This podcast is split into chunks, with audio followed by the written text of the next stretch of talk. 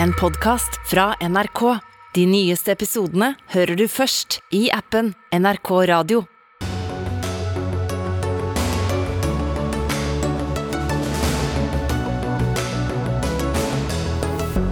Nye varsler om permitteringer i oppdrettsnæringen. Den kommende lakseskatten får skylda. Bransjen driver nærmest et trusselspill, kritiserer en professor. Å reise med tog fra Trondheim til Oslo tar 50 minutter mer nå enn for 20 år siden.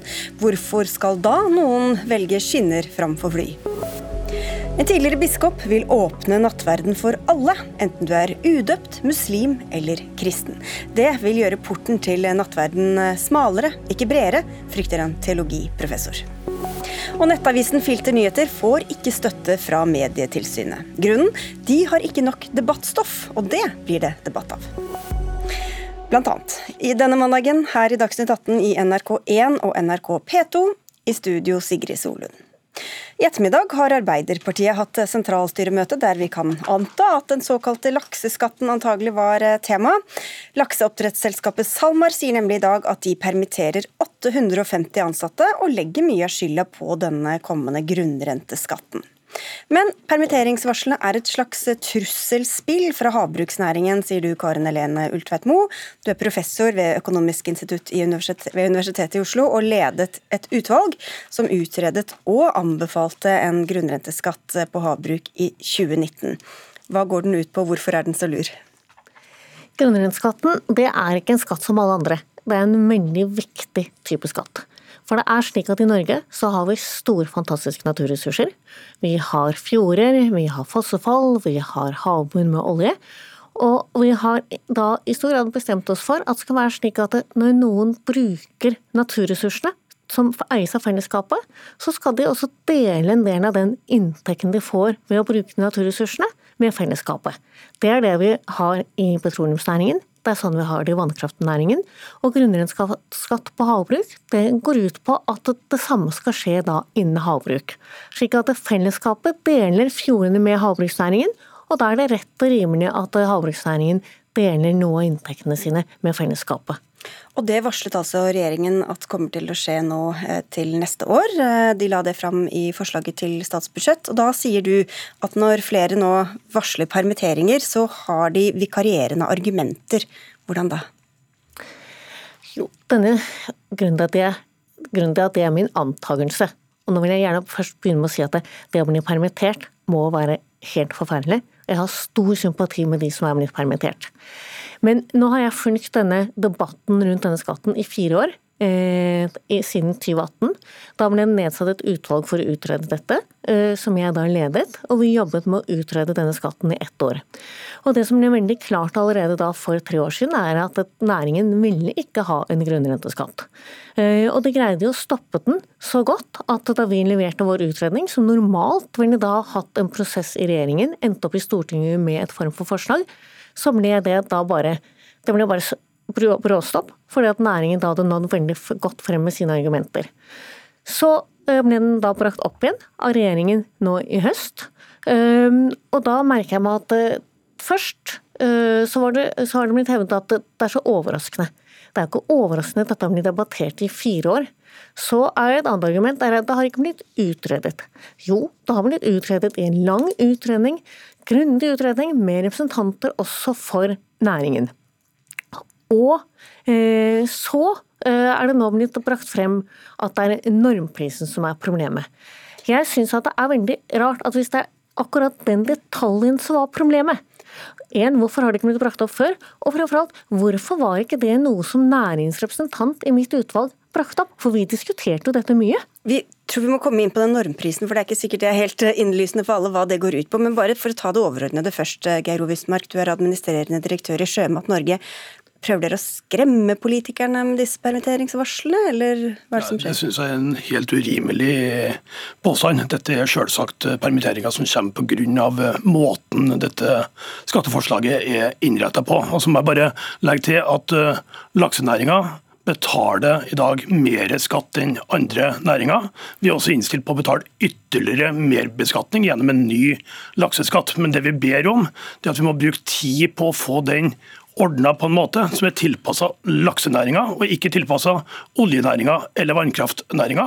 Og Laksenæringa er noe helt annet. Det er en industriell produksjon, det er en lang industriell linje. og Da må vi få en skatt som er tilpassa vår næring. Men når dette da har vært en debatt som har gått i mange år, hvorfor har ikke dere selv kommet med forslag til en innretning som dere kan leve med? Ja, For det første så var det en diskusjon i forrige periode. Det var et flertall i utvalget og et mindretall. Og, og det brede politiske Norge landa på at man skulle følge mindretallets uh, forslag, som ga en merbeskatning i form av en produksjonsavgift, og som altså gjør at man selger tillatelser. Altså milliarder av kroner kom inn til norske stat og til norske kommuner, så det var et solid merbidrag.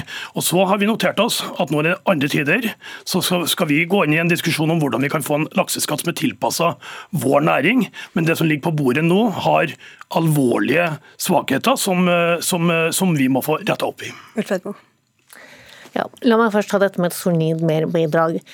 Dette, denne produksjonsavgiften er en bitte liten skatt i forhold til den grunnrenteskatten som er på bordet.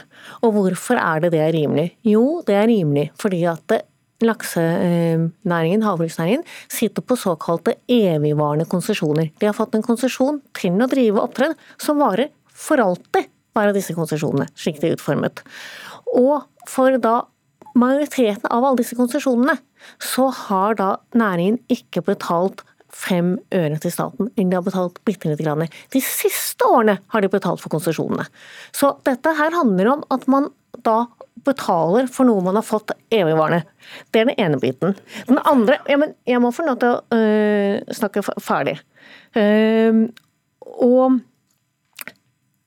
hvis du falt litt ut, så kan, ja, du, få, du, kan, du, kan, du, kan, få kommentere på det. Med, ja. Akkurat det er jo feil. Vi har altså Alle laksetillatelser som er solgt fra den norske stat siden årtusenskiftet, er solgt til markedspris. Det som ble gitt før årtusenskiftet, da var det ingen verdi på disse laksetillatelsene. Da var det høy risiko. Man pantsatte hus og hjem for å bygge en eh, næring. Og så har det vært salg i annenhåndsmarkedet, slik at alle har betalt for disse tillatelsene.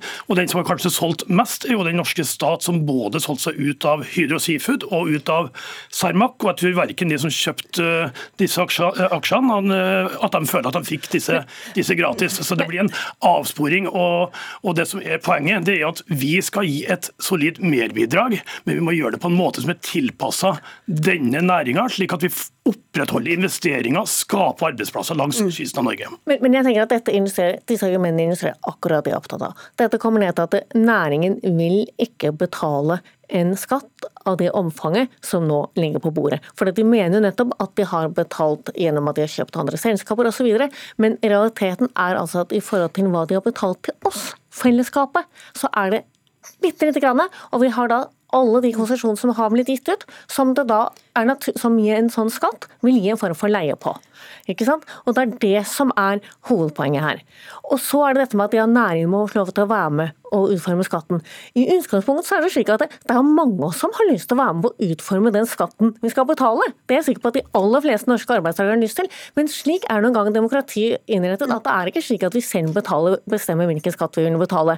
Men det er jo en høring ute nettopp for å få en innspill. Så hvis det er enkeltvise ting som da er problemet, så er jo høringen nettopp ment å være at de skal spilles inn. Men hvis dere spiller inn én etter én etter én etter én, så dere mister jo all troverdighet. når dere gjør på den måten. Snart. Vi skal få med to andre her også. Vi begynner med deg, Kristin eh, Strømskag. Du er ordfører i Frøya kommune. Du representerer Høyre. Der er det også varslet permitteringer. Hvordan merker dere som samfunn disse permitteringene, eller kan gjøre, da? Nei, I dag kom det dramatiske nyheter eh, på Frøya. Vi har jo kommunens største arbeidsplass, som er Innovamar, som er slakteri- og videreforedlingsanlegget til SalMar på her, og Det er jo kommunens største arbeidsplass. som jeg sa, og I dag varsla de 750 stykker som eh, fikk permitteringsvarsel. og Det er 23% av alle som er sysselsatt i Frøya kommune. Det er det samme som det har blitt sendt ut et permitteringsvarsel på 30 000 i Trondheim. Så det er dramatisk. Simen Sætre, du er forfatter av boka 'Den nye fisken', en bok om oppdrettslaksens historie. og Du skriver på Facebook eh, sitat, 'Nå får regjeringen merke hva som skjer når man setter seg opp mot lakseindustrien'. Sitat slutt. Hva er det som skjer nå? Ja, nei, Det viste jo Ystmark og uh, lakselobbyen tidligere, når man forsøkte å, å utrede denne skatten, så klarte de, de, å få politikerne til å ta stilling til den før utredningen ble lagt fram. Så denne utredningen som Ultvedt Moe ledet for fire år siden? Nettopp. Mm. Um, og det viser jo hvor gode de er eh, som eh, eh, lobbyister. Dette er et kompliment til Ysmark og Jeg Vet ikke om han tar det sånn. og hans folk. Um, mens eh, nå ser vi jo igjen eh, hvor gode de er, fordi de klarer, eller forsøker i hvert fall, å, å skape et inntrykk av en slags krise. Altså en krise på kysten, for å sette press på regjeringen for å få de til å skrote denne skatten. Men de sier jo selv at i hvert fall størstedelen av disse permitteringsvarslene skyldes denne nye skatten. Hvorfor stoler ikke du på det, da?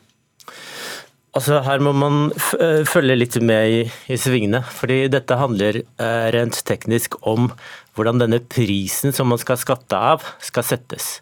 Eh, som er eh, en detalj i dette. Mens, det var den normprisen som norm, vi var inne på i stad. Normprisen, mm. som er litt komplisert å, å forklare her.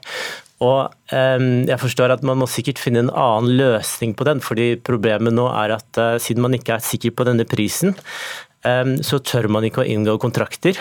Og da blir det disse eh, permitteringene. Mens det grunnleggende, altså på lengre sikt, eh, handler jo om denne skatten og eh, hvorvidt laksenæringen bør bidra mer til fellesskapet fordi de har fått lov til å bruke vårt felleshav. Altså, de har fått konsesjoner til å oppdrette laks, og disse er ekstremt eh, lukrative. Mm. Altså denne normprisen det er som en slags spotpris, kan vi si. at Man betaler ikke for akkurat det fisken koster, men en litt annen innretning. Men som vi var inne på her, Ystmark, eh, altså det er en, en eh, næring som går eh, opp og ned i antall ansatte. Det ble 600 permitteringer på Frøya i desember i fjor. Hvorfor skal vi være så sikre på at dette skyldes den varslede skatten? Ja, men bare for å ta to andre ting først. For det første så er det som jeg sa innledningsvis, vi ønsker å gi et merbidrag, en ytterligere skatt. Men vi får en prosess som er god. Så når det gjelder dette at vi drev en lobbykampanje det, det som vi så i denne gangen, og vi også ser nå, det er at det er et ekte ekte engasjement langs kysten. Det er ordførere, det er klubbledere, det er folk som bor langs kysten, som er opptatt av arbeidsplasser og investeringer. Men, det, det, tror jeg ikke vi skal kalle en lobbykampanje. Men, men, til det som kanskje er sesongvariasjoner, men som nå blir lest inn i denne skatten? Noe av det kan være sesongvariasjoner, men det vi ser nå har et helt annet og mye større omfang. og Det er knytta spesifikt til denne normprisen. og La meg bruke to sekunder på å forklare denne normprisen, for det er litt uh, komplisert, men det er ganske viktig.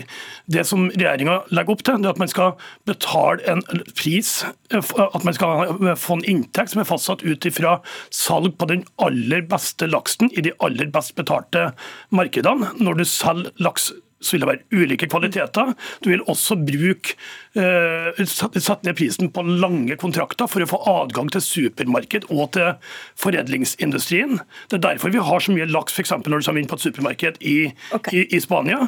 Og disse prismekanismene er det som nå er satt i spill, ja. og det gjør at kontraktsmarkedet er dødt. og Derfor må bedriftene eh, håndtere det. på okay, en måte. Først, da. Altså, Ismar, du kan ikke benekte at det er en lobbykampanje. Eh, og vi kjenner jo eh, taktikken deres. Eh, vi har studert dette i detalj i boka, Den nye fisken. Hvordan dere klarte å, å stoppe denne skatten før utredningen kom. Um, og det er helt tydelig at taktikken er på en måte å skyve kysten foran seg. Altså, dette er, Grunnleggende så handler dette om noen få store børsnoterte selskaper, eh, som i hovedsak er eh, utenlandsk eid. Eh, og som man da ønsker fra regjeringens side skal bidra litt mer til fellesskapet. Så forsøker man da rent sånn taktisk å få det til å handle om kysten, som gjør opp opprør mot sentrum. Og man prøver å få det å handle om liksom vanlige folk som jobber med laks, som eh, blir permittert osv. Men i realiteten så er det eh, denne pengemakta, altså lakselobbyen, disse store selskapene, som setter seg opp mot folkemakta og fellesskapet. Fellesskapet ønsker at de skal bidra litt mer. Vi skal få inn deg også, ordfører Strømskag, eh, før vi fortsetter i studio. Hvordan leser du denne fortellingen som vi hører fra Simen Sætre her? Ja, vi kjenner oss ikke overhodet igjen i den historiefortellinga som det legges opp til nå. Eh, kystfolket vet hva som har krevdes for å bygge opp den næringa som har greid å snu utviklinga langs kysten på en måte som ikke noe distriktspolitisk eh, virkemiddel har greid under nå regjering. Eh, vi vet at dette her er samfunnsbyggere og lokalpatrioter som har stått på eh, ørsk og helg for å bygge opp en næring som gjør at lokalsamfunnene har hatt flere foter å stå på. Og Egentlig skulle jeg ønska meg at dere skulle ha kommet på slakteriet på SalMar i dag og snakka med dem som står der og spør om de egentlig er en stemme for lakselobbyen, når de i ytterste vi, konsekvens er bekymra for sin framtid. Vi må være litt raske på tampen her, Ulfveit Moe først. Så... Ja, la meg begynne med å understreke at jeg har da både vært på Frøya og Hitra og vært på slakterier og vært og sett på merder. Og det er en fantastisk næring.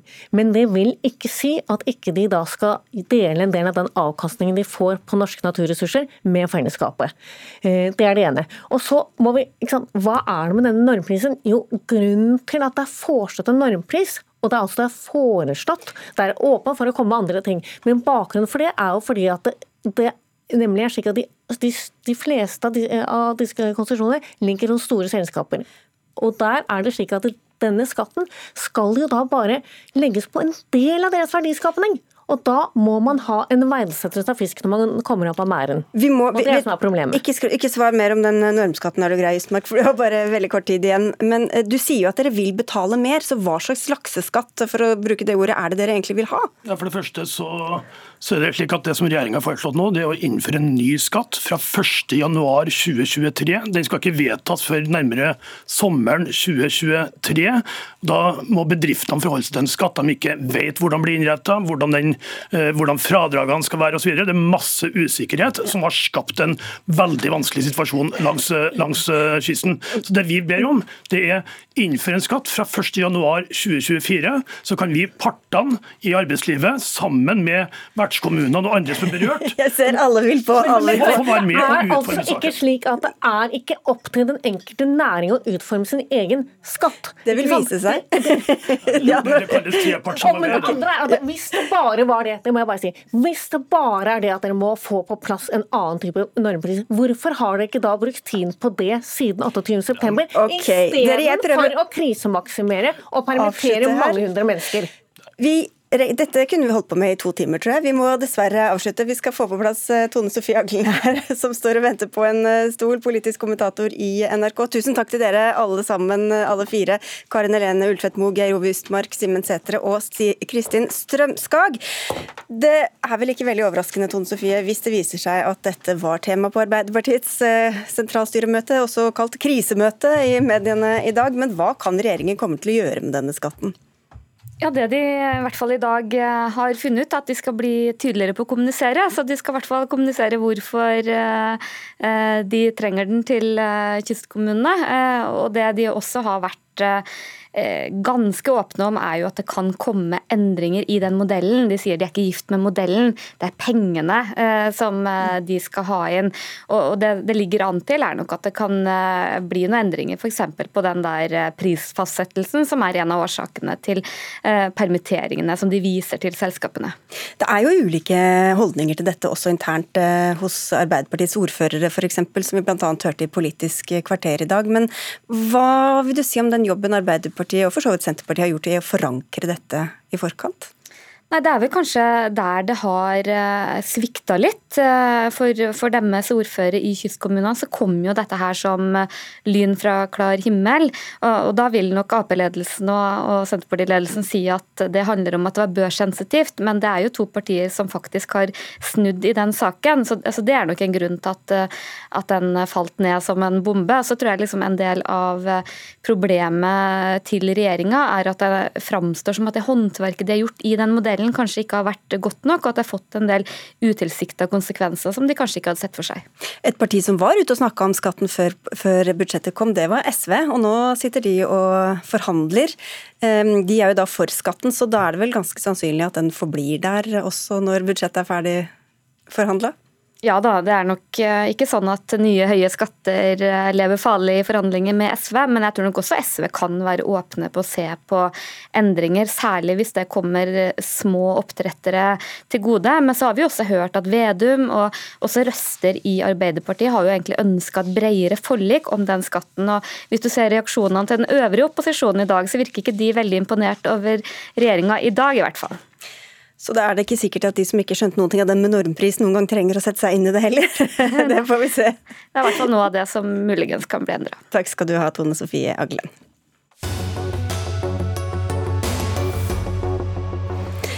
For debatten vi nå skal ta fatt på, kan det være nærliggende å starte med Alf Prøysens kjente tekst I bakvendtland der kan alt gå an. Tro det eller ei, å ta toget på lange strekninger i Norge tar lengre tid nå enn det gjorde for 22 år siden. Kilden til dette er Rutebok for Norge. F.eks. tar det 50 minutter mer å komme seg fra Oslo til Trondheim, eller motsatt, i dag enn ved årtusenskiftet. Holger Slaupitz, du er fagsjef i Naturvernforbundet. Hva sier du til denne utviklingen? Ja, Det er jo, eh, som du sier sjøl, det går gærne veien. Og toget skal jo konkurrere med både fly og bil. Og når vi ser på hvordan veinettet er blitt bygd ut, og hvordan flytilbudet har utvikla seg, så blir det jo egentlig enda verre. Og da taper miljøet når toget taper konkurransekraft. Og Hvorfor er det blitt sånn? Det er jo for det første nedprioritering av jernbanen mellom landsdelene, som vi har vært vitne til de siste drøyt 20 åra. Og det skal alle politikere være med på å ta ansvar for. Og eh, Det har da blitt bygd mye bra jernbane inn og ut av de store byene, men det virker som om både politikerne og jernbanesystemet kollektivt har glemt det banenettet som ligger mellom. Jon Ivar Nygaard, du er samferdselsminister. Hvorfor skal det være så lite attraktivt å reise med tog mellom Norges største byer? Ja, Denne debatten baserer seg nok på en eh, litt eh, feilaktig inngang. Egentlig så er dette her en fantastisk historie, for det handler om at vi har fått til en eventyrlig vekst i antall passasjerer på togsiden i Norge. Eh, vi har også langt flere tog på skinnene enn tidligere. Vi har en 40% vekst i antall passasjerer siden 2010 til 2019. Og det handler jo da om at man har prioritert togtilbudet der hvor det bor mye folk, der hvor man klarer å frakte mange passasjerer og erstatte bilreiser. Og så jobber vi jo med hele tiden å utvikle infrastruktur. Det bygges på Dovrebanen, det bygges på Østfoldbanen, det bygges på Vestfoldbanen. Og det er jo også sånn at det fører til reisetidsforbedrelse ja, på de lengre strekningene. Når du sier det er feilaktig, så må jeg lure på hva er det som er feilaktig ved å si at det tar lengre tid i dag å reise mellom Oslo og Trondheim, Bergen, Kristiansand og Stavanger enn det gjorde for 20 år siden? Jo, men ikke feilaktig, men du kan jo ikke fremstille det som om det er helt i den løse lufta, når det faktisk da har medført en sterk prioritering av de viktigste reisende på pendleravstander. Sånn at eh, dette må settes inn i en sammenheng. Samtidig er det da økt antall avganger på de lengre distansene, fra tre til fem, f.eks. på Bergensbanen og også til Trondheim, hvis jeg husker riktig nå. Så det er flere passasjerer som også fraktes. Da har man gjort noen valg. Man har valgt uh, å satse på regularitet, flere tog på linjene, slik at man får flere reisende med, istedenfor da å få ned hastighetene.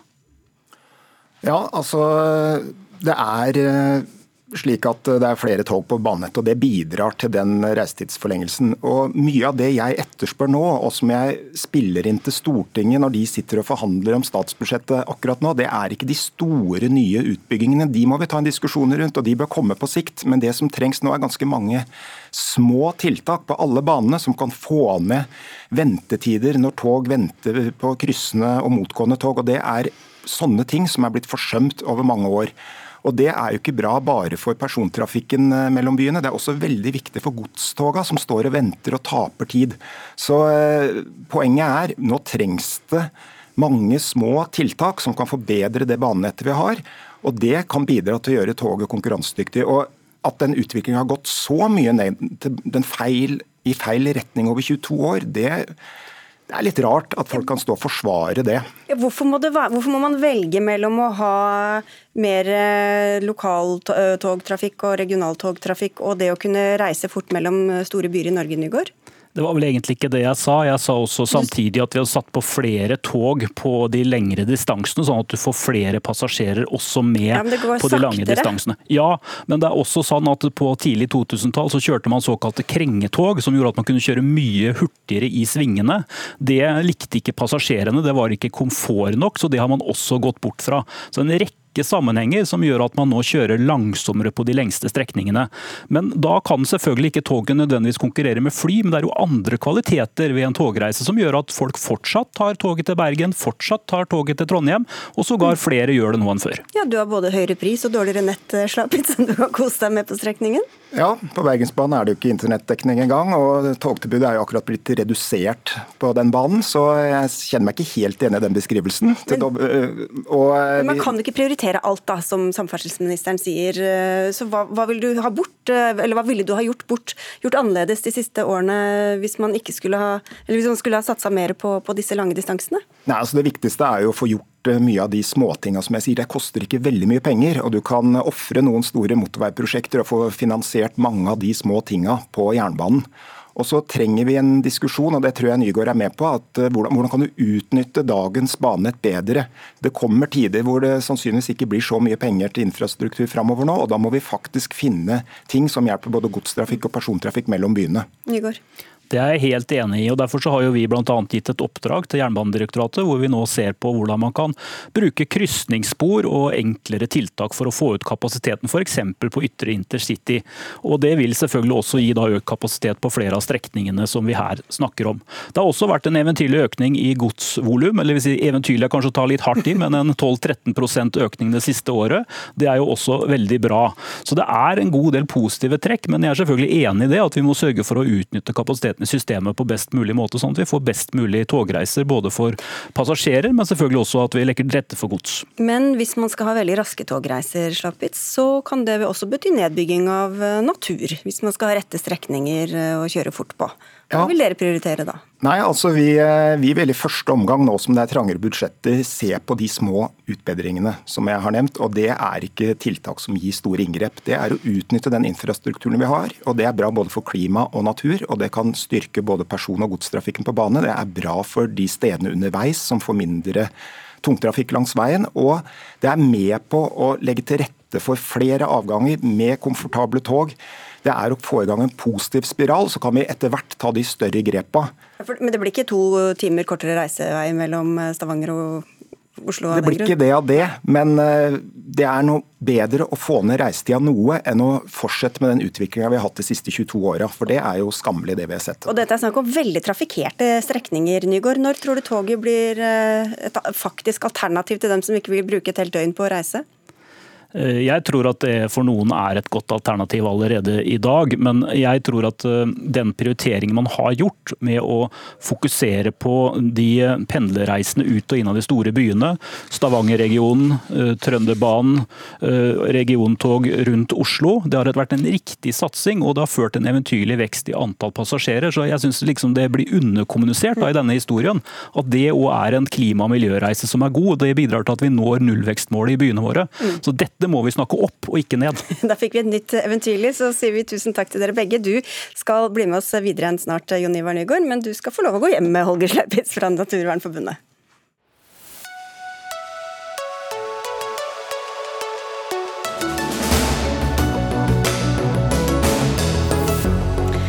Snart er vi halvveis her i Dagsnytt 18. Heng med videre, så får du høre at et parti på Stortinget foreslår nå å kutte i sykelønnsordningen. Hvem det er, får du vite om en snau halvtime. Det ble nei fra Medietilsynet da Filter nyheter søkte om pressestøtte. Nettavisen har som mål å drive seriøs og etterrettelig kvalitetsjournalistikk, særlig gjennom gravesaker. Men noen produksjonsstøtte fra Medietilsynet må dere altså se langt etter, Harald Klungtveit. Du er redaktør i Filter nyheter og det er vel særlig begrunnelsen dere irriterer dere over. Hva var det for noe? Altså, vi vil jo helst klare oss uten støtte fra staten, vi. Men uh, etter pandemien og, og, sånn som økonomien ble da, så ble det litt sånn uansvarlig å la, la være å søke. Uh, så det gjorde vi jo da i, i vinter. Um, og så um, har jo Medietilsynet stadfesta at vi krysser av nesten alle boksene. for å si det sånn. Altså, de kaller seg et eh, nasjonalt nyhetsmedium med tilstrekkelig demokratisk relevant stoff osv. Eh, det skulle jo bare mangle, for som du sier, så er det jo undersøkende journalistikk som vi, som vi satser på. Men vi kom da til kort på at det var for lite meningsstoff, eller debattstoff, som, eh, som Medietilsynet kaller det. Og, Hvorfor er det feil å ha som et ufravikelig krav, syns du? Altså det kjempemye viktig eh, kommentarjournalistikk der ute. Eh, eh, veldig bra at staten stimulerer til debatt og meningsutveksling. Men i mine øyne så er det ikke for lite av det. Og det er veldig vanskelig å være en, en liten frittstående aktør som starter opp en nyhetsavis som skal ha alt på plass på, på en gang. Og da er det litt sånn frustrerende at dette Altså det, det, måles kun kvantitativt. ikke sant? Altså Debattstoff det er jo alt fra disse grundige kronikkene og essayene og sånne ting som man eh, opphøyer i det intellektuelle ordskiftet, helt til avisene som bruker fem minutter på å ringe en kjendis for å spørre om hei, kan vi publisere Facebook-innlegget ditt. Så liksom debattstoff i seg sjøl sier jo ikke noe om verken kvalitet eller mangfold eller viktighet eller noen av disse tingene man, eh, man streber etter. Så, så, så ja, det, det er litt litt slitsomt at det skal være det som bikker oss over, fordi vi har litt for lite av det. Du vil ikke gå inn i dette konkrete avslaget eller saksbehandlingen, men for å ta det litt overordnede som vi er innom her, Mari Welsand, du er direktør i Medietilsynet. Hvorfor skal det være et sånt krav om debattstoff for å få dette tilskuddet? Da må vi jo egentlig starte med hele formålet for denne tilskuddsordningen.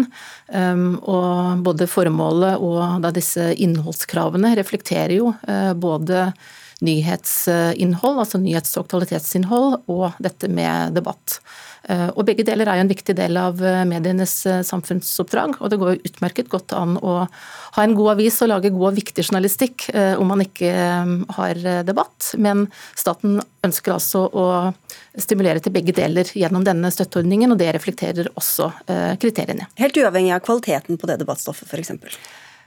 Altså, det er jo et ønske om eh, en kvalitativ eh, god journalistikk, selvfølgelig. Men eh, så er det jo også et viktig prinsipp at de redaktørstyrte mediene er uavhengige. Så vi holder oss selvfølgelig langt unna kvalitative vurderinger om stoffet er godt eller dårlig, om man skriver om det ene eller det andre, eller har debattinnlegg om det ene eller det andre temaet. Derfor er jo kriteriene formulert sånn som de er også. Altså, Filternyheter, altså min avis, bidrar jo i høyeste grad til samfunnsdebatten. altså Det som er formålet med disse kategoriene i, som, er, som er utgjør kriteriene her. altså vi, eh, Vår journalistikk eh, debatteres eh, i, ja, med ujevne mellomrom i dette studioet. Eh, det er politisk debatt på Stortinget om eh, nyhetsstoffet vårt. Eh, Filternyheter-saker ender opp i andres lederartikler, aviskommentarer andre steder. Altså vi, er i høyeste grad en del av samfunnsdebatten. Men så er det denne sjangerinndelingen. altså Det må være eh, publiseringer hos oss som nærmest er stempla debatt, eller lignende ord. Eh, for at vi skal liksom krysse, av, krysse av de riktige boksene. Ja, hvorfor regnes ikke det som debattstoff eller bidrag til samfunnsdebatten? Velsen? Det regnes jo absolutt som bidrag til samfunnsdebatten, men det er viktig da at eh, kriteriene her eh, gjelder da produksjon eh, og formidling. ikke sant? Både av nyheter og aktualiteter og debatter. Så det er da ikke tilstrekkelig for å få støtte etter denne ordningen at man kan si at vi har nyhetssaker som stimulerer til debatt. Det er jo vel og bra, og det er ikke til forkleinelse for det, men hvis man da skal komme inn under denne tilskuddsordningen, så må man også selv være en debattarena. Kan du ikke bare fyre av noen ledere om dagen, Kong Tveit? Jo, men det er akkurat det, da, at eh, det avslaget egentlig gir insentiver til, er noen ganske lettvinte løsninger for meg, som jeg sikkert kunne ha ordna i morgen med å publisere en hel del innsendte innlegg eller meningsutbrudd som er lite kostbare å produsere. Men som, I stedet for å intervjue folk, så kan dere få dem til å skrive en kronikk? Ja, eksempel. Altså, kan, jeg kan jo ha verdens eh, lengste ekspertintervju som har like høy kvalitet som en kronikk, og som er like meningsbærende. Men som, som ikke kvalifiserer til debattstoff etter, etter, kriteriene. Men hvis jeg hadde stykka det opp og bedt om å få det skriftlig i stedet og sagt at dette var debatt, så, så hadde det kvalifisert. ikke sant? Og, og da, eh, altså da, da er jo min bekymring at små aktører uten så mye penger ikke får helt den fleksibiliteten vi trenger i startfasen da, til å få støtte til å f.eks. ansette dyktige kommentatorer. Jeg tenker jo at eh, Vi har jo tillit til at eh, mediene vil ønske å få til kvalitativt godt innhold også når det gjelder eh, debatt. Men jeg hadde lyst til å kommentere noe av det du sa i sted, at det er nok av debatt. Og det kan vi jo tenke ikke sant, med um, internettets mange nye muligheter, sosiale medier osv. Det er enklere å komme til orde enn noen gang, men det er jo også en god del av den debatten som da er av en art da, som ikke nødvendigvis fremmer den gode eh, samtalen eller gode debatten. Så nettopp den redigerte debatten eh, i regi av de redaktørstyrte mediene, som har eh, sine etiske retningslinjer, kvalitetskontroll osv., er viktig å stimulere til. Og det er altså ett av formålene med denne tilskuddsordningen. Men gir det egentlig noe annet hvis man da publiserer et, en kronikk framfor å ha det som et intervju, hvor man også kan ha kritiske oppfølgingsspørsmål eller gjøre det mer begripelig enn det det kanskje nødvendigvis er i en kronikk? Det er jo det at man da slipper ulike stemmer til ordet på en annen måte. Eh, så i debatt så ligger det jo at man eh, kommer da med ulike syn i en sak. Eh, det kan være en lederartikkel, det kan være en kommentar, det kan være anmeldelser. Og det kan også da være leserinnlegg som da er skrevet av eksterne. Så det er ulike måter man da kan fylle dette kravet på. Ja, altså det, jeg synes vel sannsynliggjør litt poenget mitt her. Altså det, det, er ikke mangfold at vi har 100 aviser som løser dette på nøyaktig samme måten. Eh, og har en, en gammeldags eh, debattseksjon slik man hadde i papiravisen, og bruker de begrepene som, som stammer fra Det er altså ikke noe krav, bare for å understreke det. Verken at man skal gjøre det likt, eller at man skal ha en gammeldags debattseksjon. Og det er veldig mange som løser det på andre måter også, heldigvis. Du skal vel klage kanskje, Klungtveit, så får vi se hvor det ender. Du var litt harselerende over debattstoffet da du sendte ut pressemelding, så vi får takke veldig ydmykt for at du kom til dette debattstudioet hos oss. Harald Klungtveit fra Filter Nyheter og Mari Welsand, som er direktør i Medietilsynet.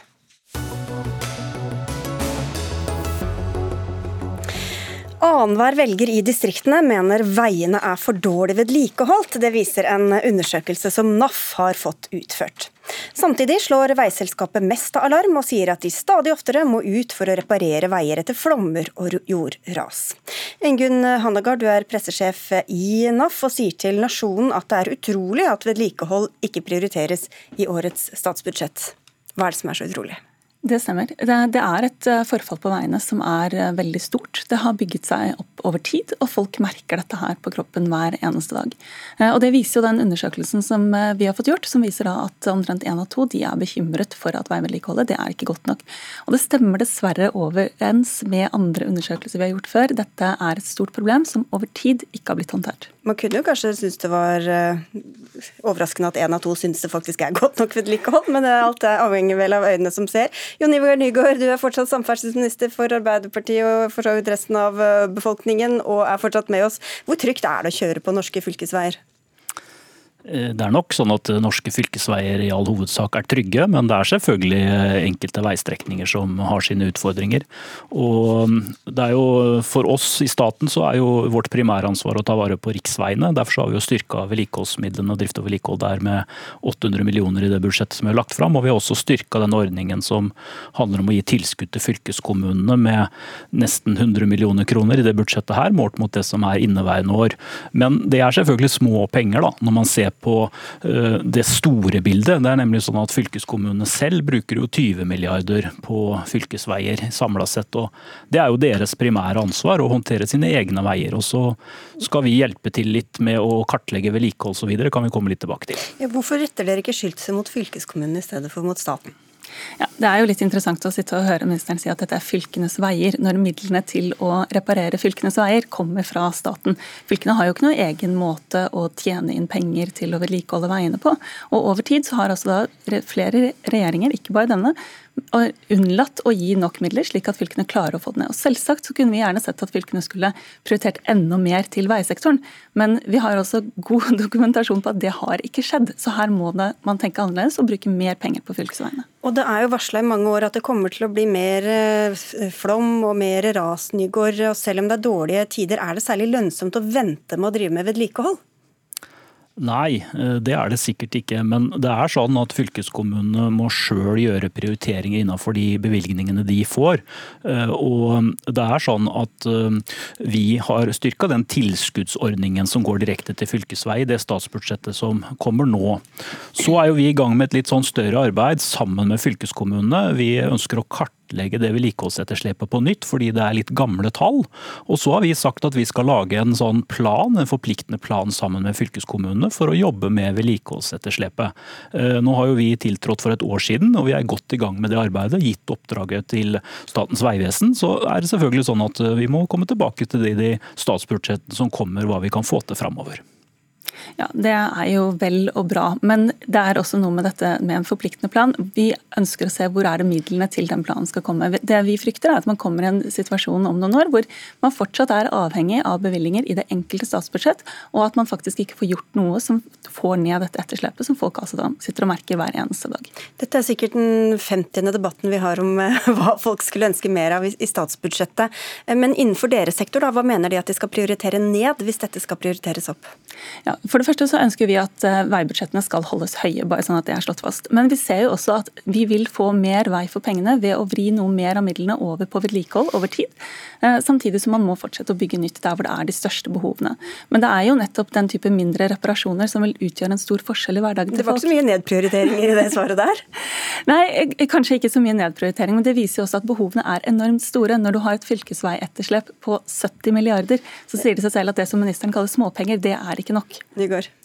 Jo, men jeg tror vi må bare eh, anerkjenne at i Norge har vi lokaldemokrati. Og fylkeskommunene har ansvar for fylkesveiene. Og de, vi kan ikke frata fylkeskommunene men hvis de, hvis det ikke funker, da? Hvis ikke, de, hvis ikke, de, gjør det? Jo, men det er sånn i Norge at i lokaldemokrati så stemmer vi ved valg og stemmer på politikere som prioriterer sånn som befolkningen vil.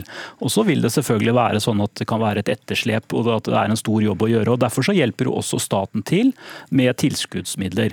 Samtidig som vi sier vi skal lage en plan sammen med fylkeskommunen og kartlegge hvordan vedlikeholdsetterslepet er. fordi det tallet 70 milliarder, det vet vi ikke så mye om i dag, om det faktisk fortsatt er sånn. Så jeg tenker eh, at her er veldig mye på gang. Det går i riktig retning. Vi eh, prioriterer på våre riksveier, som jeg har ansvar for, 80, 800 eh, millioner mer nå til drift og vedlikehold neste år, nettopp for å bidra til at vi kan håndtere vedlikeholdsetterslep. Og budsjettpartner SV legger en halv milliard mer på bordet til vedlikehold og sikring, Handagard, så da vet du hvem du har å presse på? Absolutt, og det er veldig positivt. Men jeg må få komme med en ørliten kommentar til dette her med at det er fylkene sine veier og fylkene sitt ansvar. I 2010 var det vel, så overførte staten 10 000 km vei til fylkeskommunene. Og siden det har det faktisk ikke fulgt nok midler med de, eh, det ansvaret som fylkeskommunene nå har fått. Og så må jeg bare si én ting til om rassikring. Ja, det, det behovet er også enormt stort, og der trengs det også mye mer midler enn det regjeringen eh, legger til grunn nå. Da er budskapet sendt og mottatt eh, fra Ingunn Hannegard i NAF til eh, samferdselsminister Jon Ivar Nygaard. Takk skal dere ha begge to for at dere var med i Dagsnytt 18.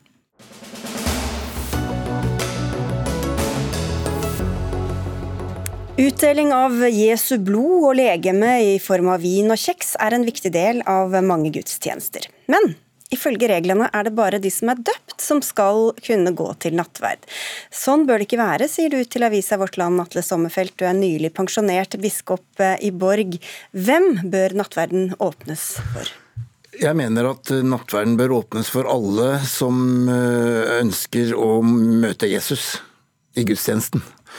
Eh, og slik Jesus møter folk, så han, svarer han på et rop om barmhjertighet og medfølelse. Og Jesus gir dem det. Og det tenker jeg er nådverdens kjerne. At vi møter Jesus slik Jesus møtte mennesker den gangen. Slik må også mennesker få møte Jesus i dag. Og da må nådverden være åpen for de som har det ønsket og det behovet. Mm. Knut Alsvåg, du er professor i teologi ved VID vitenskapelig høgskole. Mm, Sommerfelt her vil gjøre porten eh, videre, men i et innlegg i dagen så sier du at han tvert imot gjør den smalere. På hvilken måte? Han gjør den smalere fordi han eh, knytter adgangen til nattverd til folks religiøse følelse og religiøse kompetanse. Når det er dåp som tradisjonelt har vært eh, inngangen til det kirkelige fellesskap og nattverddeltakelse i ikke bare Den norske kirke, men eh, økumenisk og historisk, så er det fordi at dåpen er uttrykk for Guds for, forbeholdsløse løftet om nåde og tilgivelse til alle mennesker, helt uavhengig av deres religiøse følelser og deres religiøse kompetanse. Derfor så må vi fastholde dåpen som det prinsipielle grunnlag for kirkelig medlemskap og nattverddeltakelse, dersom vi skal beholde tanken om evangeliet, om den for, Guds forbeholdsløse nåde som fundamentet for kirkelig fellesskap, for at døren skal være vid. Atle Sommerfelt gjør dette trangt og smalt fordi han knytter det til religiøs interesse og kompetanse. Ja, altså det, jeg må si jeg, var, jeg, jeg så dette innlegget, Knut, uh, som du hadde i dagen med det resonnementet. Det syns jeg var av de mer originale uh, kritikkene jeg har møtt på dette spørsmålet, faktisk.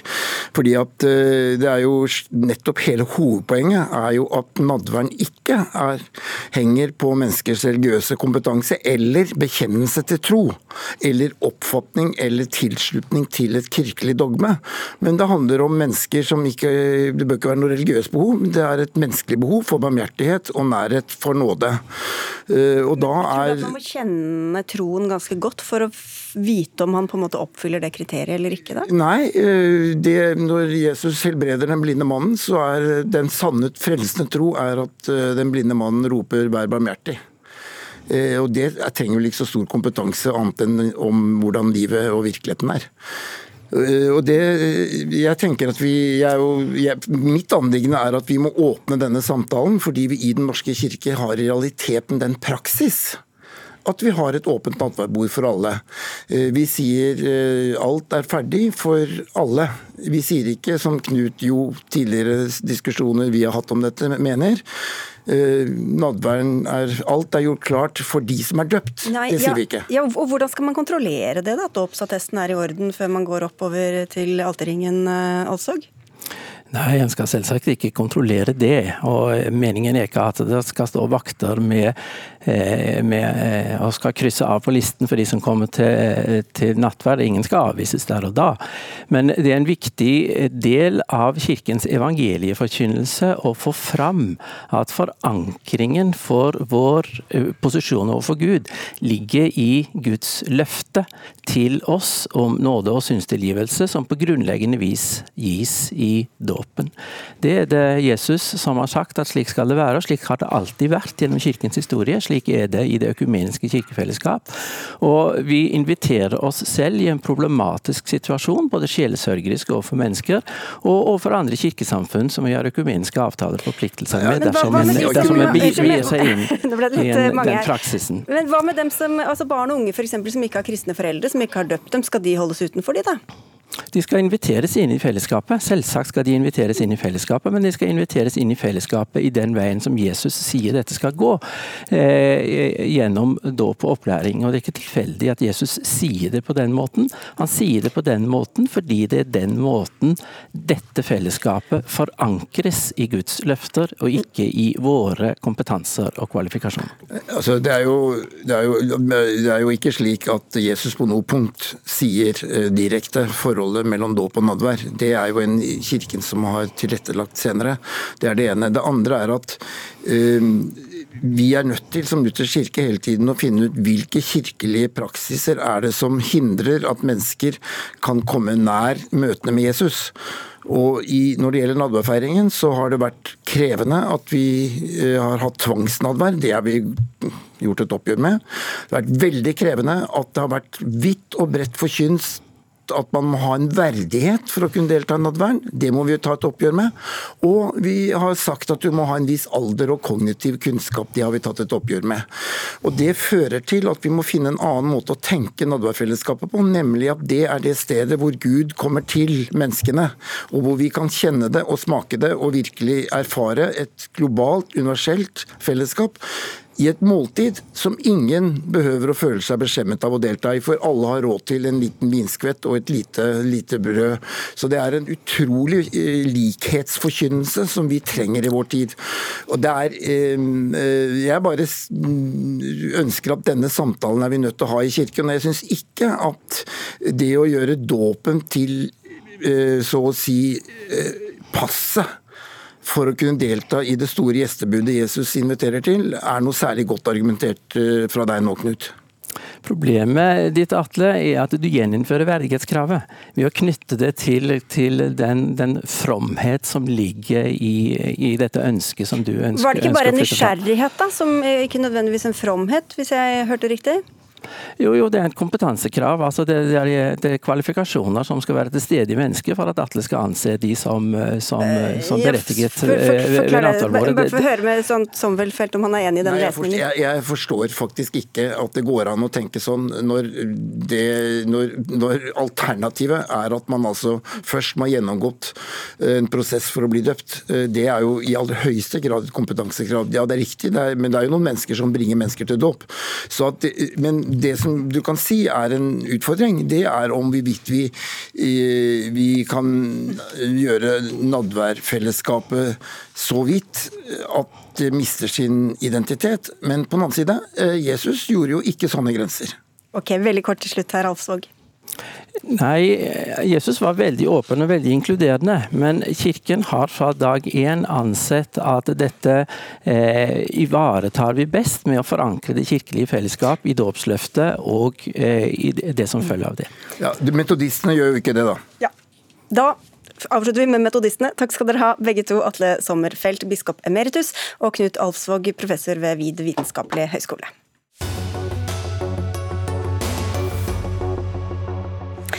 Venstre vil kutte i sykelønnsordningen for dem som lurte, og følger opp i sitt eget alternative statsbudsjett. Ja, dette sier du til nettavisen Alltinget, Sveinung Rotevatn. Du er både nestleder og sitter i finanskomiteen på Stortinget for Venstre.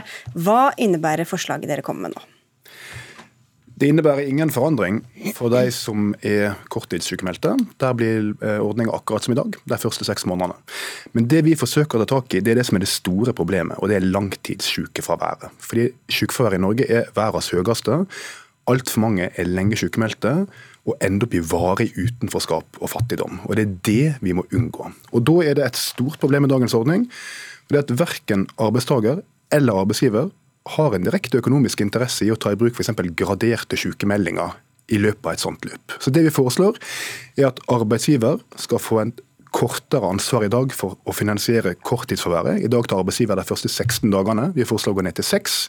Men deretter skal arbeidsgiver ha et medfinansieringsansvar, ikke bare staten. Da vil det lønne seg å få folk tilbake til jobb, og at du graderer sykemeldinger. For arbeidstaker så foreslår vi at du etter seks måneder, hvis du da ikke har gradert sykemelding, at du da går ned til 80 kompensasjon i stedet for 100% slik at flere kommer raskere tilbake i jobb. Jeg er klar over at det er en litt komplisert modell, men dette er modellen som er foreslått av sysselsettingsutvalget i 2019. Den har veldig gode grunner for seg, og vi tror at den vil få ned sykefraværet raskt. Og I tillegg så vil jo staten spare 5 milliarder kroner. Det er kanskje ikke så dumt det heller, sett fra deres side. Mimmi Kristiansson, stortingsrepresentant for Rødt. Hva syns du om disse tankene? Ja, Som Sveinung sier, så er det jo mye som er komplisert men det er jo to ting som er veldig enkle og som er veldig alvorlige. Det ene er at hvis du er syk i lenger enn seks måneder, så mister du hver femte krone av sykelønna di. Dvs. Si at de som er syke i mer enn et halvt år, de går ned til 80% dekning. Det er alvorlig, for det er ikke sånn at folk mirakuløst blir friske fordi de får mindre penger. Altså, dette er jo en form for alternativ medisin på høyresida som er farligere enn noe Shaman Durek har funnet på, nemlig en idé om at du blir frisk av det. Det andre som er er vel ikke, unnskyld at jeg avbryter, men det er vel ikke så veldig mye rarere enn å tenke at man blir helt frisk etter ett år, når du da går du vel ned til 60 eller 66 og Da er du jo ferdig med å være sykemeldt, og så går du over på en annen type ytelse, nemlig arbeidsavklaringspenger, der det skal avklares om du kan komme tilbake Poenget til arbeid. Det settes jo noen grenser hele veien. Selvfølgelig, ja. men forskjellen er jo om du vil ha folk over på arbeidsavklaringspenger etter et halvår, så går det an å diskutere det. Men sykelønnsordningen i Norge den er basert på at du får 100 dekning, og det vil Venstre kutte hvis du er syk lenger enn et halvår. Så er det andre som er alvorlig. Det er kan vi ikke ta dette ja. først, bare, Rotevatn? Altså, noen kan sikkert komme fortere tilbake til arbeidslivet, men noen er jo bare veldig veldig syke. Mm. Og de får det jo bare mye verre da, hvis dere får gjennom deres forslag. Noen um, er syke lenge, og noen er også syke lenger enn et år. Og Vi foreslår faktisk også at du skal kunne være sykemeldt lenger enn et år, mer enn i dag. Hvis du er gradert? På en gradert ytelse. Ja, men hva med de som ikke kan være gradert? Hvis du ikke kan være gradert, hvis du ikke kan bli frisk, så kommer du etter hvert til å ende opp videre på arbeidsavklaringspenger og uføretrygd, og en del skal det. Men vi må sørge for at det lønner seg, og at du har sterk interesse i å ta i bruk graderte sykemeldinger. Og dette er ikke noe sånn altså Mime Kristiansson Rødt snakker om uh, fiksfakseri og trolldom og sånt. Det er én gang i norsk historie, moderne norsk historie at sykefraværet har gått kraftig ned. Det var i 2004. Det var ikke en tilfeldighet. Det var fordi Da begynte en med graderte sykemeldinger. Og Ifølge den teorien til Mimmi Kristiansen skulle ikke det hatt noen ting å si, men det hadde masse å si. Det gikk ned med 20 og Dette er tungt forskningsbasert, anbefalt for offentlige utvalg. Og Det er mye viktigere når vi skal sørge for å hindre utenforskap, enn disse slagordene til Rødt. Ja, men hør nå. Hvis vi har en debatt om graderte sykemeldinger, så er ikke vi så uenige. Men hvis vi har en debatt om vi skal kutte i sykelønnen mellom et halvt og et helt år, da er vi uenige. Sånn at ved å klumpe alt dette sammen og gjøre det til en veldig komplisert modell, så framstår dette som et veldig sånn nyansert og moderat forslag. Men går du inn i det, så betyr det er du syk lenger enn et halvår, så får du mindre penger. Det er jo derfor du sparer fem milliarder. Og så til dette forskningsutvalget. Altså, Svein Rotevatn forteller jo bare halve sannheten. Det ble satt ned et ekspertutvalg, og de la fram det forslaget som han sier. Så ble det ekspertutvalget utvida med partene i arbeidslivet. Altså ikke bare de som representerer alle som går på jobb i Norge, men også de som representerer alle bedrifter i Norge. Og da ble det forslaget lagt vekk. For det sekundet man tok inn de ekspertene som har en annen type ekspertise enn den akademiske, men som kanskje er vel så verdifull, nemlig fra arbeidslivet sjøl, så skjønte man at dette ville ha dårlige følger. Så det er jo bare halve sannheten at dette er anbefalt av men, eksperten. Syns du at sykefraværet er for høyt? Er du bekymra for et høyt sykefravær i Norge? Altså, Jeg eh, syns ikke det i seg selv er et så meningsfullt spørsmål. Jeg vil at folk skal være friske, jeg vil de skal gå på jobb. Men jeg ser ikke på Det er ikke noe mål for deg å få det ned, da? Målet mitt er at folk skal være friske, ikke at du skal få ned sykefraværet. Jeg vet om mange elendige måter å få ned sykefraværet på. For så kunne man jo da sagt at alle som er kronisk syke eller har dårlig helse, bare rett og slett ikke jobba, gikk rett over på uføretrygd. Så ville man jo droppe sykefraværet. sånn at disse problemene forsvinner ikke med en sånn enkel løsning, et pennestrøk. Dette er jo kompliserte løsninger, nei, problemer som du må besvare nede på arbeidsplassene for å legge til rette for folk. Det er ingen naturlov at Norge skal være verdens høyeste sykefravær. Og det er faktisk ganske paradoksalt. I et land Selv om det er veldig høy sysselsetting og dermed kanskje jo, men Det er land som har mye høyere sysselsetting enn oss som likevel har lavere sykefravær. Så det er ikke det som er sammenhengen. Og vi er et land med sikkert verdens beste helsevesen, verdens beste folkehelse, og likevel så er det fraværet så mye høyere i våre naboland. Og da må en jo av og til begynne å spørre seg hvorfor er det sånn? Og vi har tung forskning over mange år som viser at det er modellen som er grunnen til det. Og Da vet vi f.eks. at andelen som går tilbake til på jobb, etter en lang sykemelding, den øker dramatisk når du nærmer deg ett år. Det er ikke fordi at folk plutselig blir mye friskere når de nærmer seg ett år, men det er fordi at da nærmer du deg slutten av 100 sykelønn.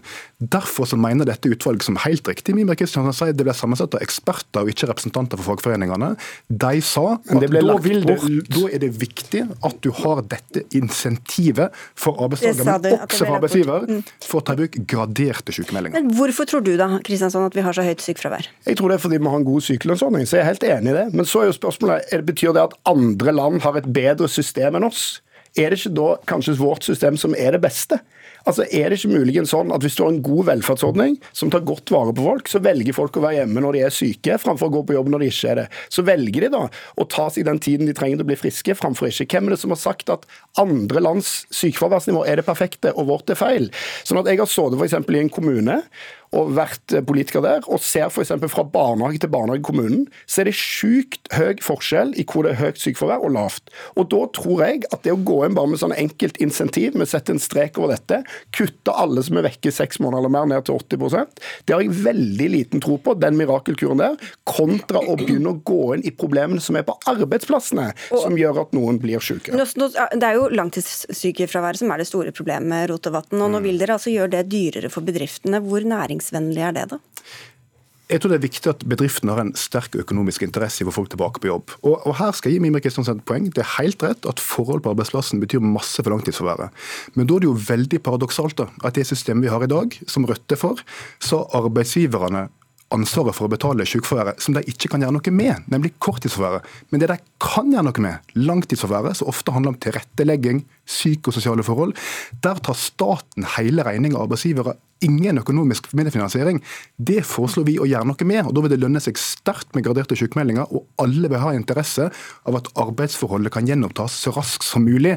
Og Dette er ikke noe Venstre finner på, dette er tunge anbefalinger over mange okay, vi, år. så dessverre litt for få vi diskuterer. Ja, men svar på akkurat for det, første, Alle har i dag interesse av at folk er friske. Det er ikke sånn at de syke går rundt og har interesse av å være syke. eller at Nei, arbeidsgiverne... arbeidsgiverne går heller ikke rundt og har interesse av at folk er sykemeldte i dag. Men det dette vil føre til, det er at arbeidsgivere vil vegre seg for å ansette folk som har dårlig helse. Fordi vi har ulik helse i utgangspunktet. Og hvis det blir dyrt å ansette folk som blir sykemeldt lenge, så vil du vegre deg for å ansette gamle, du vil vegre deg for å ansette kvinner som oftere er sykemeldte, og den type ting. Og Det er grunnen til at både NO og LO, ikke bare fagforeningene, er mot disse forslagene. Dere, vi må avslutte. Ja, det må, det må gå inn på Venstres nettsider og se hva dere foreslår på kronikerne. Vi må avslutte. Anne Katrine Førli, Frode Thorshaug og jeg, Sigrid Solund, takker for følget og ønsker en riktig fin kveld.